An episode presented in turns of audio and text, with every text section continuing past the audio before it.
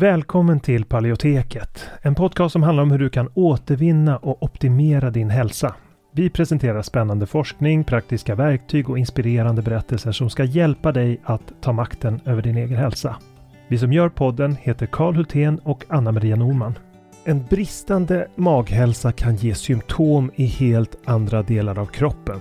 Det är något som många tyvärr inte känner till trots att mer än en miljon svenskar har IBS idag. Alltså problem med magen. Och tyvärr är magproblem i de flesta fall inkörsporten till annan ohälsa. Det kan vara inflammation, diffusa symptom, allergier eller autoimmun sjukdom. Och för att möta den här trenden av växande behov så har vi utvecklat kursen Maghälsa på djupet. Där vi går på djupet med att vända dålig maghälsa som SIBO och IBS. Och det här är viktiga delar av kursen som vi talar om och den senaste forskningen på de områdena. Och vi djupdyker i vad forskningen säger om de senaste naturliga terapiformerna, kostmetoder, kosttillskott, probiotika och så vidare. Och kursen den kickar igång fredagen den 3 maj och har fyra olika faser och tre frågestunder live. Och dessutom har vi olika resurser och guider att ladda ner från kursplattformen. Så du kommer få lära dig allt om hur du kan använda kosten som en väg till läkning, när, var och hur, hur du kan använda olika kosttillskott och probiotika. Och om du redan är medlem i Hälsodetektiverna så får du som vanligt en rabatt på allt vi gör, så även den här kursen. Och den här kursen tror vi är en perfekt väg för dig mot en bättre maghälsa där du inte bara får lära dig ett metodiskt tillvägagångssätt för att minska dina symptom utan också förstå de underliggande orsakerna. För att läsa mer om kursen och anmäla dig till den går in på paleoteket.se och klickar på utbildning. Eller klicka dig vidare från länkarna i podcastbeskrivningen. Så varmt välkommen till Maghälsa på djupet. Vi ses där när kursen startar, den 3 maj. Innan vi kör igång med dagens tema vill jag påminna om att den här podcasten har ett utbildande syfte och inte utgör medicinsk rådgivning. Nu kör vi!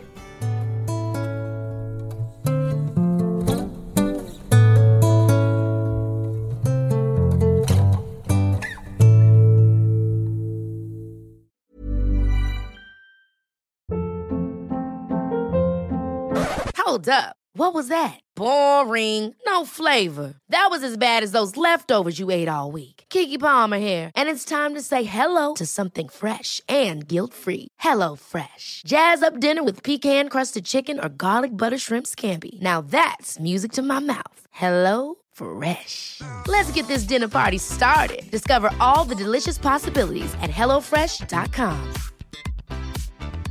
There's never been a faster or easier way to start your weight loss journey than with PlushCare. PlushCare accepts most insurance plans and gives you online access to board-certified physicians who can prescribe FDA-approved weight loss medications like Wigovi and Zepbound for those who qualify. Take charge of your health and speak with a board-certified physician about a weight loss plan that's right for you. Get started today at plushcare.com slash weight loss. That's plushcare.com slash weight loss. plushcare.com slash weight loss. Hey, it's Ryan Reynolds, and I'm here with Keith, co-star of my upcoming film, If, only in theaters May 17th. Do you want to tell people the big news? All right, I'll do it. Sign up now and you'll get unlimited for $15 a month in six months of Paramount Plus Essential Plan on us. Mintmobile.com slash switch. Upfront payment of $45 equivalent to $15 per month. Unlimited over 40 gigabytes per month. Face lower speeds. Videos at 480p. Active Mint customers by 531.24 get six months of Paramount Plus Essential Plan. Auto renews after six months. Offer ends May 31st, 2024. Separate Paramount Plus registration required. Terms and conditions apply if rated PG. Ja, hej! Hej Kalle! Hej! Hej! Nu sitter vi på ett annat ställe. eh, Ja, mycket naturen. trevligare ställe. Förra gången så satt jag ju och spelade in precis det här avsnittet. Jag har gjort det förut. Du har gjort det förut. Det var liksom en riktigt uselt väder och jag var förkyld. Hade ungefär alla symptom av histaminintolerans som man kan ha. och så kom det ut. Jag satt och spelade in i bilen. Ja. Och så hade jag monterat upp eh, micken i, på ratten. Liksom. Och eh, det där måste ha sett mystiskt ut. För det kom ut en, en man då, med morgonrock på sig. Och en sån här eh, trådlös gammaldags Doro-telefon. och så började jag kolla mitt bilnummer liksom. Och så supermisstänksam ut. Så jag var tvungen att pausa, prata, Ja. Så, ja, är det okej att jag står här? Så han, han skulle då ut med bilen. Fast inte precis nu. Då, Nej, precis. Nej, men han var lite rädd att du bevakade honom och satt med någon dator och körde Han såg avlyssning. förmodligen ut exakt Ja. som en KGB-agent som Mm. en, en, en 60-årig farbror som kanske har varit med i hemvärnet. Det är superintressant. Men bilen är annars ett väldigt bra ställe att spela in har vi fått Det blir ju superbra ljud. Mm. Men okej, men vi tar det från början i alla fall för det lät, det gick inte. Det gick inte. Det, det var för dåligt. Ja, och du var förkyld. Ja. Mm. Det vi ska prata om idag i alla fall är ju då eh, autoimmun sjukdom och histaminintolerans. Mm. Och hur det eventuellt hänger ihop. ja, men jag tänkte vi- det blir ganska omfattande avsnitt där vi försöker ta med allting som man behöver veta. Ehm, och ta det från början helt enkelt. Så varför Mm. ska vi prata om det här?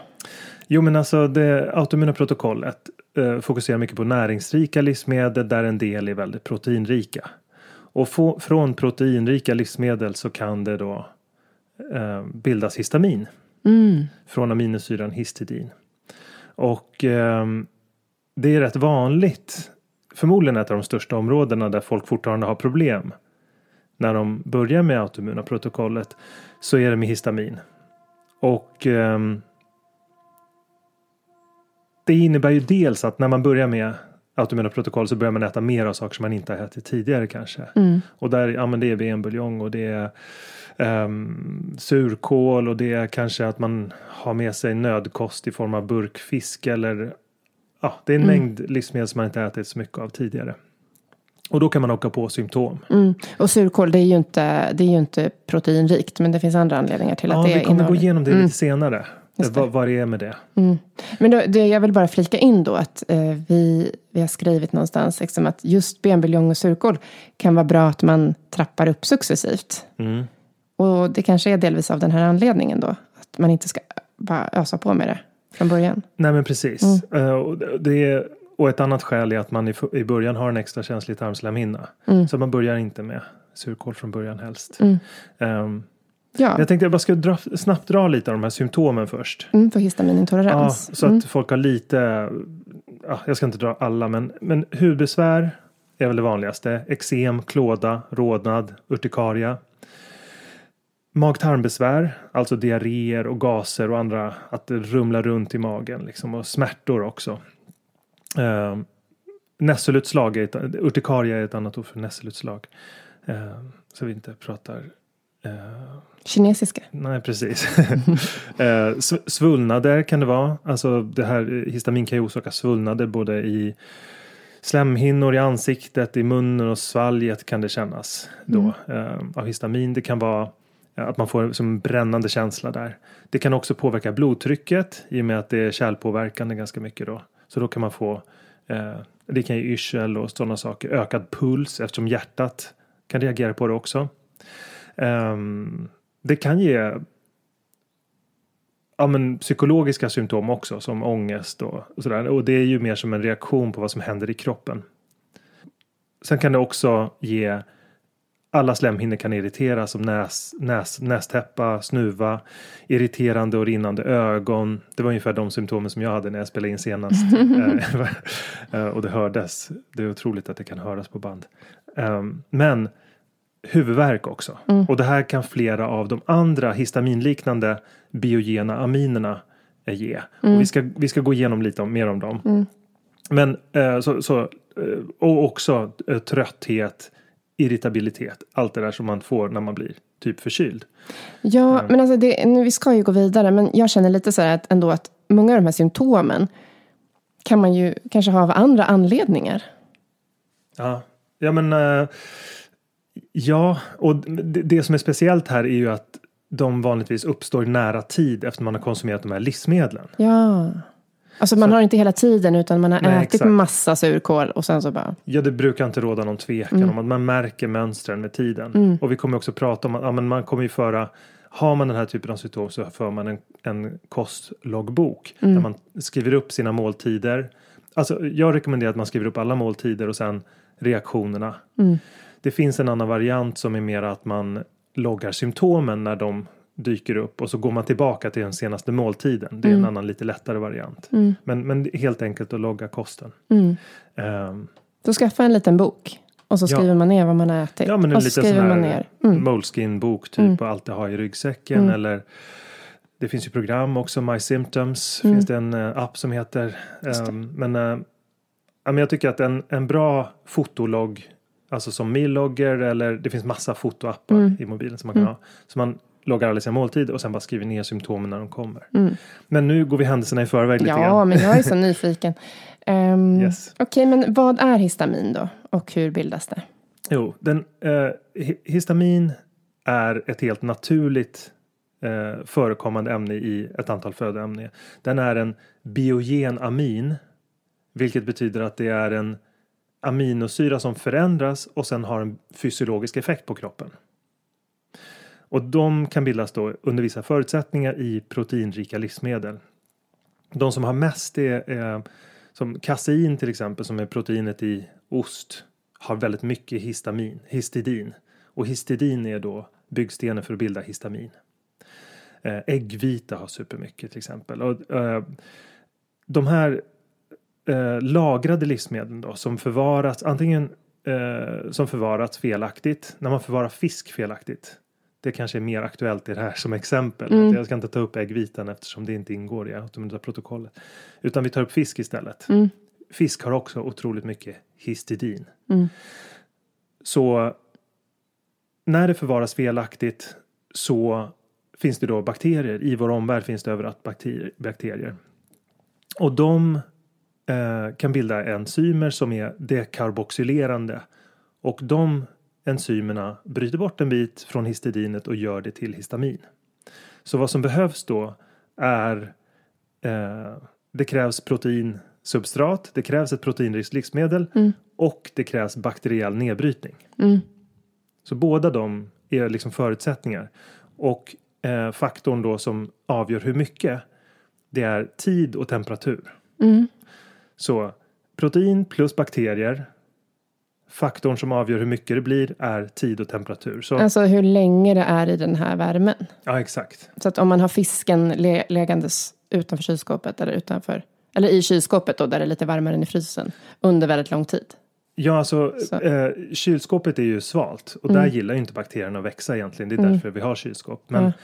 men eh, bakterierna gillar precis som, som vi i människokroppen har 37 grader så gillar bakterier, bakterierna som bildar det här dekarboxylaset eh, en temperatur mellan 30 och 37 grader så att de gillar samma temperatur som vi har i oss. Mm. Och det, det är en av förklaringarna till som vi ska komma senare varför autoimmun sjukdom är liksom lite överrepresenterat när det gäller förekomst av histaminintolerans. Mm. Men ehm, ju längre tid de här bakterierna får på sig att bearbeta de fria aminosyrorna som finns i desto mer bildas det. Ehm, och histamin är ett av de tidigaste biogena aminerna som, ehm, som bildas då. Det finns ju andra. Ja, de, de bildas först. Ja, man, Och sen man, lite man kan säga att- senare, lite längre tid så bildas det andra. Ja, det finns eh, andra biogena aminer ehm, som eh, tar lite längre tid på sig att bildas. Mm. Ehm, och den främsta, där det, det, några av dem är ju då serotonin som också kan ehm, bidra till en rad symptom. Um, det kan utlösa migrän till exempel. Och kadaverin som, som är den, den lukten som är från, från, om man stannar vid en sån där roadkill på, så känner man en stark doft av likdoft helt enkelt. Mm. Eh, det är också en biogen amin som, som bildas senare än histamin. Eh, men eh, den är ju också giftig då. Mm. Men det finns andra biogena aminer som bildas tidigare som tyramin till exempel. Den kan ju också påverka blodtrycket lite mer och ge eh, svettningar och feber och utlösa migrän också. Mm. Och den finns i några andra. Den, den finns i några som brukar räknas som histaminlivsmedel men Mm. egentligen så är det ju eh, tyramin är ju inte Okej, samma sak. jag förstår. Men ja, just det. Men, eh, men jag undrar då, mm, jaha, borde man ta bort alla livsmedel då som har histamin i sig? Vi kommer till det. Jag tänkte vi skulle komma till vad man, ska, eh, vad man kan göra. Mm. Men jag tänkte först bara säga lite kort att eh, eh, histamin är eh, en helt naturlig signalsubstans egentligen. Och att den är, det, det här är inte någonting som är en allergi. Utan den, den är liksom, den ger fysiologiska effekter på alla. Eh, och eh, äter man tillräckligt mycket, äter en frisk person tillräckligt mycket så blir det en matförgiftning av det. Alltså det, det blir, äter man 500 milligram eller mer så är det giftigt. Liksom, för, då ger matförgiftning. Um, men hos känsliga personer så kan liknande symptom eller andra symptom uppstå redan vid 25 till 100 milligram. Och det är betydligt mindre. Um, Så, Ja. Just det. Så, så, att, så att eh, även om man är känslig så kan man ju få i sig lite histamin. Ja, vi- det går inte att undvika helt. Nej. Så ehm, eh, det finns i alla livsmedel. Så Mm. de, de strategier som man, man inför vid en histaminreducerad kost som, Mm. som du frågade om. Eh, de, de innebär delvis att man eh, man tar bara bort de som har mest histamin. Man tar inte bort histamin helt ur Mm. Nej. kosten för det går Det inte. går inte. Ehm, Så det är totalen, liksom. Ja. Mm. Och sen när man liksom återställer, när man lyckas återställa magens funktion, Mm. det brukar man kunna med tiden, då, då försvinner ju symptomen direkt. Det är inte att så att man är allergisk mot det är inte så att man är allergisk mot lagrad fisk eller varmrökt eh, lax eller man är inte allergisk mot det utan man är bara känslig mot reaktionen som histaminet som finns där ger. Ja, ja, ja. Ehm, så det är en del som Mm. ehm, så när man återställer försvaret så försvinner känsligheten. Mm. Men just det, jag kanske ska gå till din fråga då. Det här med varför, varför personer med autoimmun sjukdom så ofta har Ja. ja, histaminintolerans. det var min första fråga. Ja. Ja. Det är det handlar om. Ehm, jo men dels Alltså personer med autoimmun sjukdom som har eh, läckande tarm.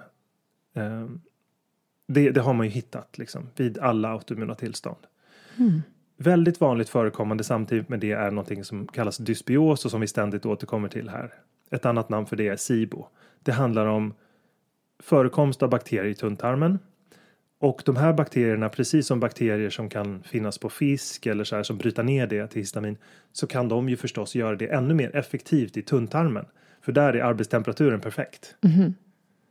Och de kan göra saker med andra saker vi äter. Alltså, dricker man alkohol ehm, så bryter de ner och skapar lösningsmedel liknande eh, ämnen av alkoholen som också får effekter och skapar läckande tarm till exempel. Samma bakterier orsakar andra problem av till exempel alkohol. De här bakterierna kan i det här fallet producera och öka mängden histamin lokalt.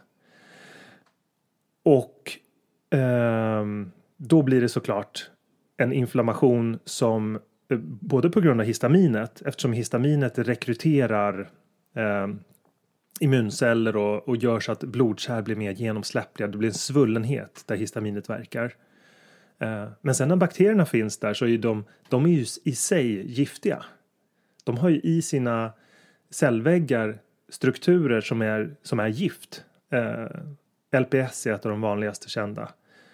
Eh, och de påverkar levern och de påverkar inflammation i kroppen. De påverkar lokalt i tarmslemhinnan och orsakar läckande tarm. Så att när bakterierna finns där så understödjer de eh, eh, de understödjer ökad produktion. De understödjer läckande tarm som gör och när man har då läckande tarm och ökad genomsläpplighet som många vid autoimmun sjukdom har.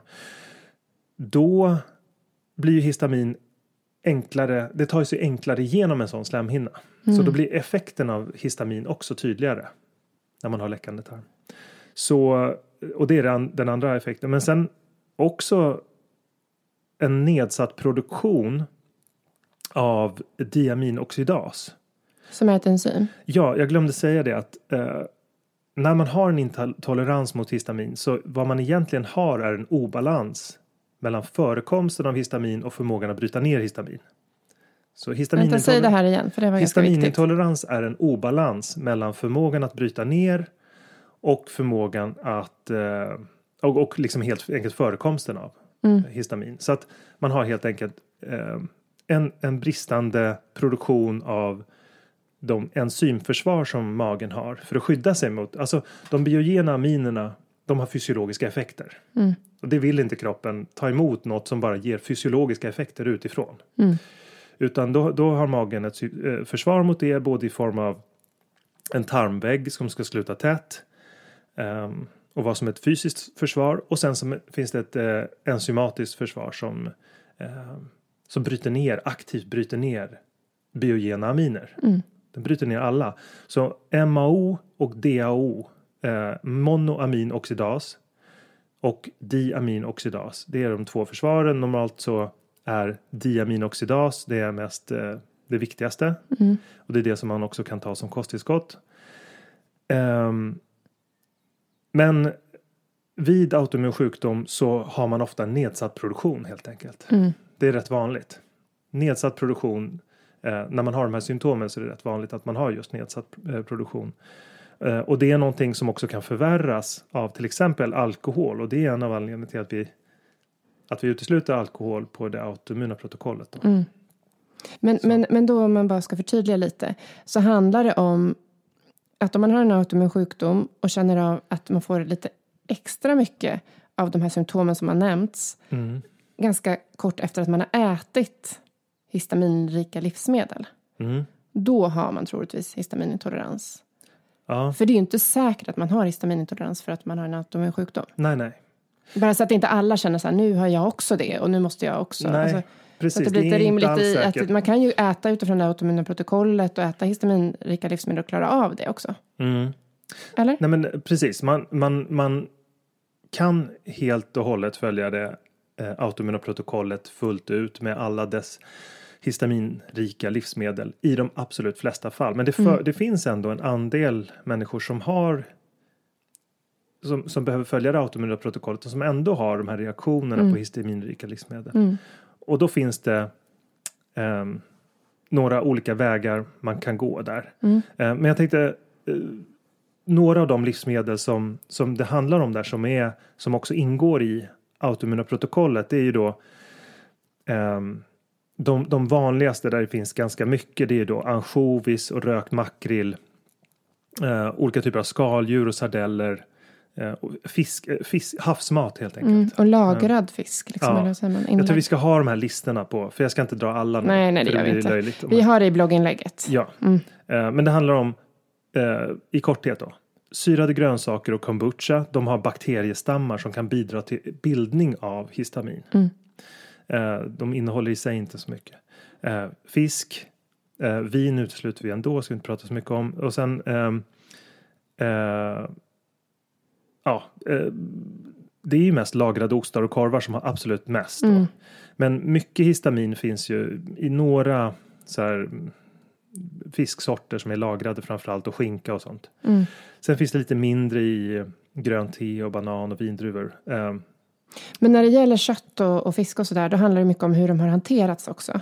ja, Alltså när vi pratar om lagrade eller inlagda saker så är det ju på något sätt att de har, eh, det är någon process. Jo, men det är en process där man, där man liksom fermenterar i princip eh, i vissa former av lagrat kött och korvar och sånt.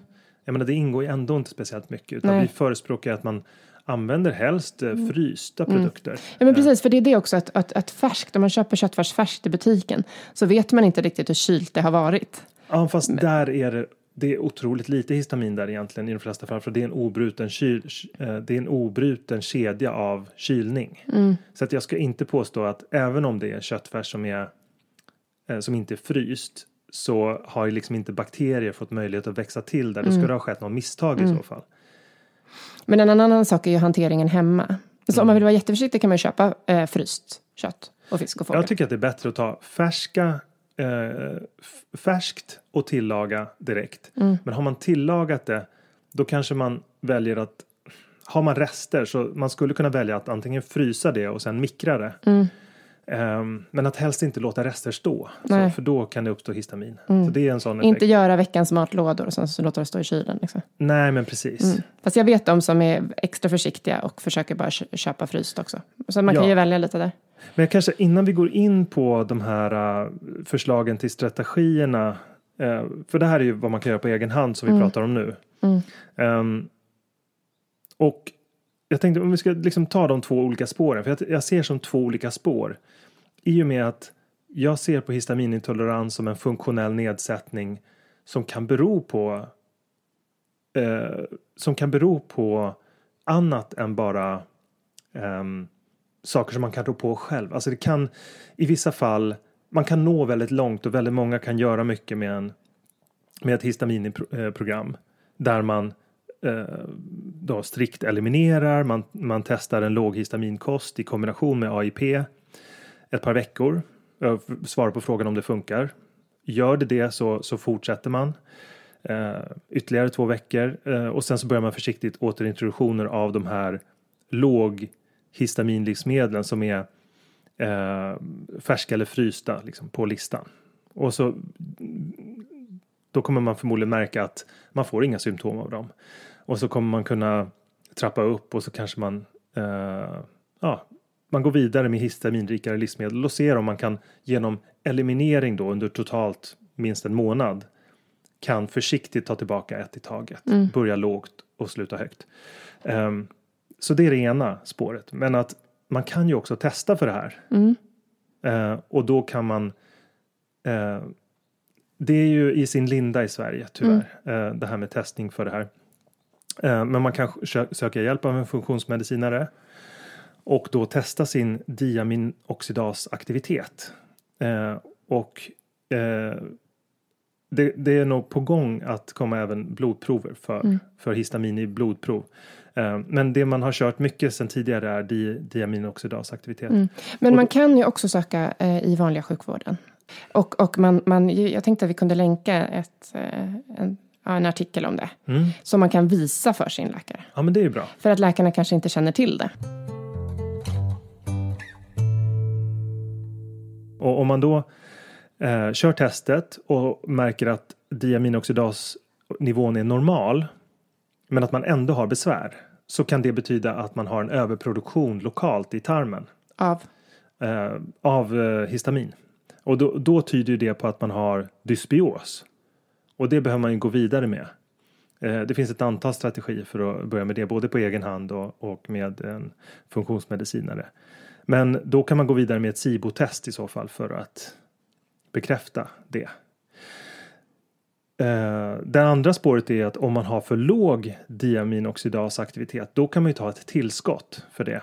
Och det finns ett antal tillskott eh, som i princip olika märken som gör samma sak egentligen. Det är att de understödjer nedbrytningen av histamin. Är det som kallas Dausin? Dausin. Jag tror att Dausin är ett märke. Mm. Men att eh, det, det, DAO är diaminoxidas är det man söker på. Mm. Så vad kan man då göra om man inte väljer att gå det här testningsspåret? När det gäller att kolla diaminoxidasaktivitet, kolla eventuell SIBO och sådana saker. Då kan man gå vidare på egen hand. Eh, det man gör då är att man följer det autoimmuna protokollet som bidrar till att återställa en normal tarmflora och det motverkar ju dysbios och SIBO i sig att följa det autoimmuna protokollet. Eh, så förutom det så är ju eh, autoimmun paleo är ju det bästa, mest effektivaste och snabbaste sättet att läka ut Eh, läckande tarm eller genomsläpplighet i tarmslemhinnan. Så det är en annan sak som vi vill åstadkomma förutom dysbiosen. Um, och uh, några av de saker då som man ska man tänka på det är att ja, egentligen de saker som vi har uh, pratat om. Det är, man, ska vara, man ska vara noga med att ta bort samtliga histaminrika livsmedel och det som utlöser. Man tar inte bort bara ett antal utan man tar bort samtliga. Man äter färskt eller fryst hela livsmedel. Man är ganska noga med hygienen. Låter inte saker stå. Sparar inte upptinade rester utan man, man fryser i så fall. Eh, och man är noga med att förvara saker i kylen så att det inte bildas histamin. Och sen så finns det både probiotika som kan hjälpa med nedbrytning av det här är något som många har glömt eh, bort. Att eh, probiotika, dess roll i det här. Ehm, för att det finns både probiotika som kan försämra symptomen och probiotika som kan förbättra det. Så några av dem eh, som kan hjälpa att bryta ner histamin det är Bifidobacterium infantis. Eh, som, eh, som då finns tidigt i fosterlivet. Eh, får man det eh, vid amningen då. Och det bryter ner histamin. Eh, isolerade stammar av Lactobacillus plantarium, inte de som är i hel surkål utan de är isolerade tillskott. Eh, jordbaserade stammar som typ prescriptacist som bryter ner histamin eh, funkar också för en del. Eh, sen de probiotika som kan försämra symptomen det är i princip alla mejeribaserade laktobaciller. Där ingår eh, eh Lactobacillus eh, eh, bulgaricus, eh, Lactobacillus debrecki, ehm, eh, de som man gör yoghurt och finmjölk av. Så att, de finns inte i kosttillskott? Jo, de finns i tillskottsform. Mm. Och då, helt enkelt, många stammar som jag inte nämnde nu som kan hjälpa. Mm. Man tar nog de som hjälper mm. eh, och undviker eventuella okända. För det finns så otroligt många laktobaciller och bifidobakterier som kan bidra till ökad histaminproduktion. Och det betyder inte att de inte är probiotiska. De kan vara en fördel för en lite mer stabil tarmhälsa. Men mm. de, de, har också det här dekabuxylaset som kan bidra till att byta ner. Så att vi vill inte ha det där. Um, men sen finns det ju de här eh, diaminooxidastillskotten. Och ska man då ta det eller inte om man inte ens vet om man har nedsatt produktion eller ej. Mm. Det är ju en, ja, det är väl en tveksamt då om man ska ta saker som man inte vet om man behöver. Mm. Men eh, det kan öka skyddet genom att öka nedbrytningen då mm. för personer som har en minskad produktion. Men beror det här på att man har SIBO eller eh, då, då, kanske det, då kanske man inte märker något resultat av det ändå. Mm. Eh, så. Men det, det är någonting som då, då kan det vara så att man behöver gå igenom en fas av låg eh, histaminlivsmedel i kombination med AIP. Det tar ju längre tid då mm. än om man får behandling. Eh, mm. Men, Nej, men, men, men alltså egentligen, det du säger är att man borde ta reda på om man har innan man börjar äta. Ja, alltså, det är väl den snabbaste vägen. Sen mm. är inte det möjligt för alla. Nej, men jag menar, du ska inte börja äta tillskott utan att veta.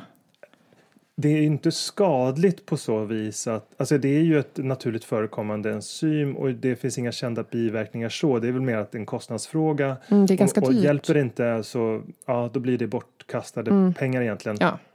Men att det är ju en väg att testa. Men sen finns det en annan sak också som kan stänga av produktionen av diaminoxidas och orsaka det här.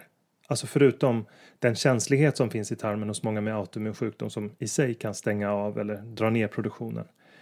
Och det är ett antal läkemedel eh, som är rätt vanliga och det till exempel antidepressiva sådana SSRI-preparat och magsyrahämmande. Då eh, Omeprazol till exempel eller protonpumpshämmare som man har för att sänka magsyran. De minskar också produktionen av diaminoxidas. Så finns det hela den här gruppen som vi pratade om för några avsnitt sedan om, om smärtstillande. NSAID-preparat. Exakt. De stänger också av eh, produktionen eller hämmar den.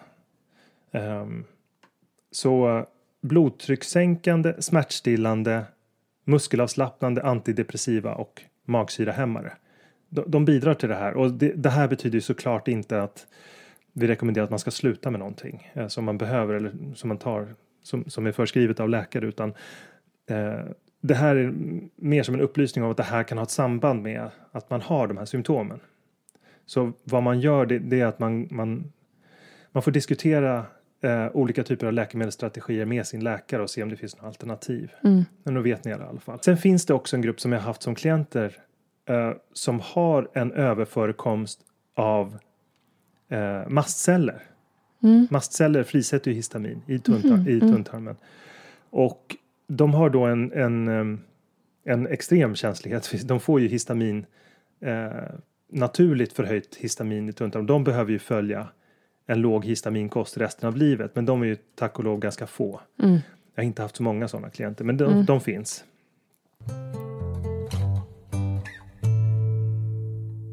Finns det något som man absolut ska undvika som histaminintolerant på AIP-kosten? Ja, men jag tycker att man absolut ska undvika eh, ansjovis eh, på burk och mm. rökt makrill. Och sen ska man också titta på de livsmedel som har mycket, alltså de lagrade korvarna. Det är ju uppenbart. Det, de mm. plockar man bara bort.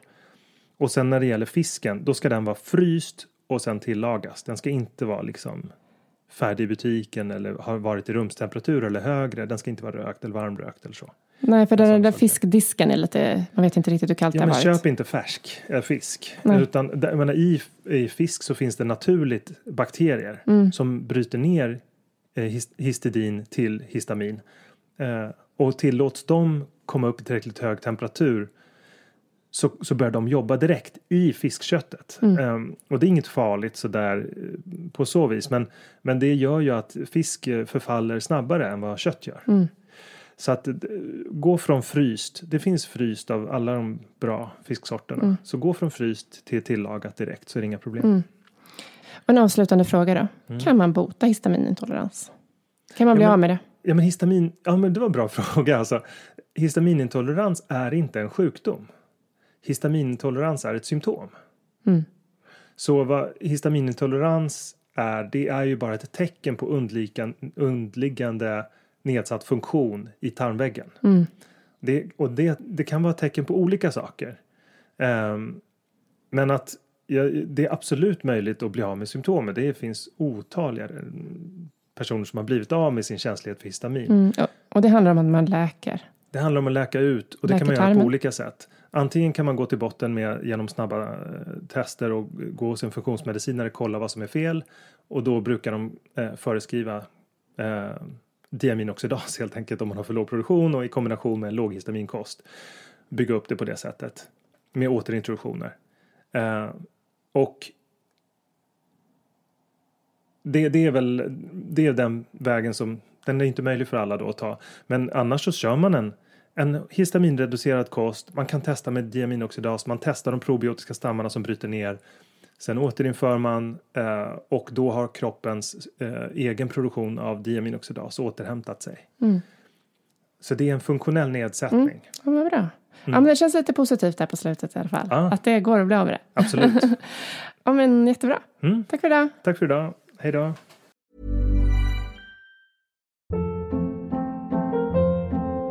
Hold up. What was that? Boring. No flavor. That was as bad as those leftovers you ate all week. Kiki Palmer here, and it's time to say hello to something fresh and guilt-free. Hello Fresh. Jazz up dinner with pecan-crusted chicken or garlic butter shrimp scampi. Now that's music to my mouth. Hello Fresh. Let's get this dinner party started. Discover all the delicious possibilities at hellofresh.com.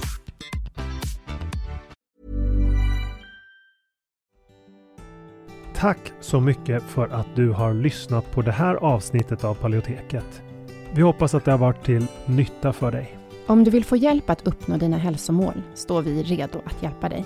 Vårt medlemskap Hälsodetektiverna är en gemenskap online där du träffar likasinnade, får hälsoinspiration hela året och kan ställa frågor direkt till oss på våra medlemsseminarier. Nu under våren startar också två onlinekurser. AIP Masterclass är kursen för dig som vill lära dig allt du behöver veta om kostupplägget AIP, autoimmunprotokoll, samtidigt som du blir guidad genom en stegvis process med både läkningsfas, utvärdering och återintroduktioner. Sen har vi kursen Maghälsa på djupet som riktar sig till dig med IBS och misstänkt eller konstaterad SIBO. Vi fokuserar helt på vad du kan göra med kost, livsstil och strategiskt utvalda kosttillskott. För dig som föredrar att läsa finns också våra fyra böcker. Besök paleoteket.se för att veta mer och glöm inte att prenumerera på vårt nyhetsbrev. Du hittar länkar i beskrivningen till podcastavsnittet.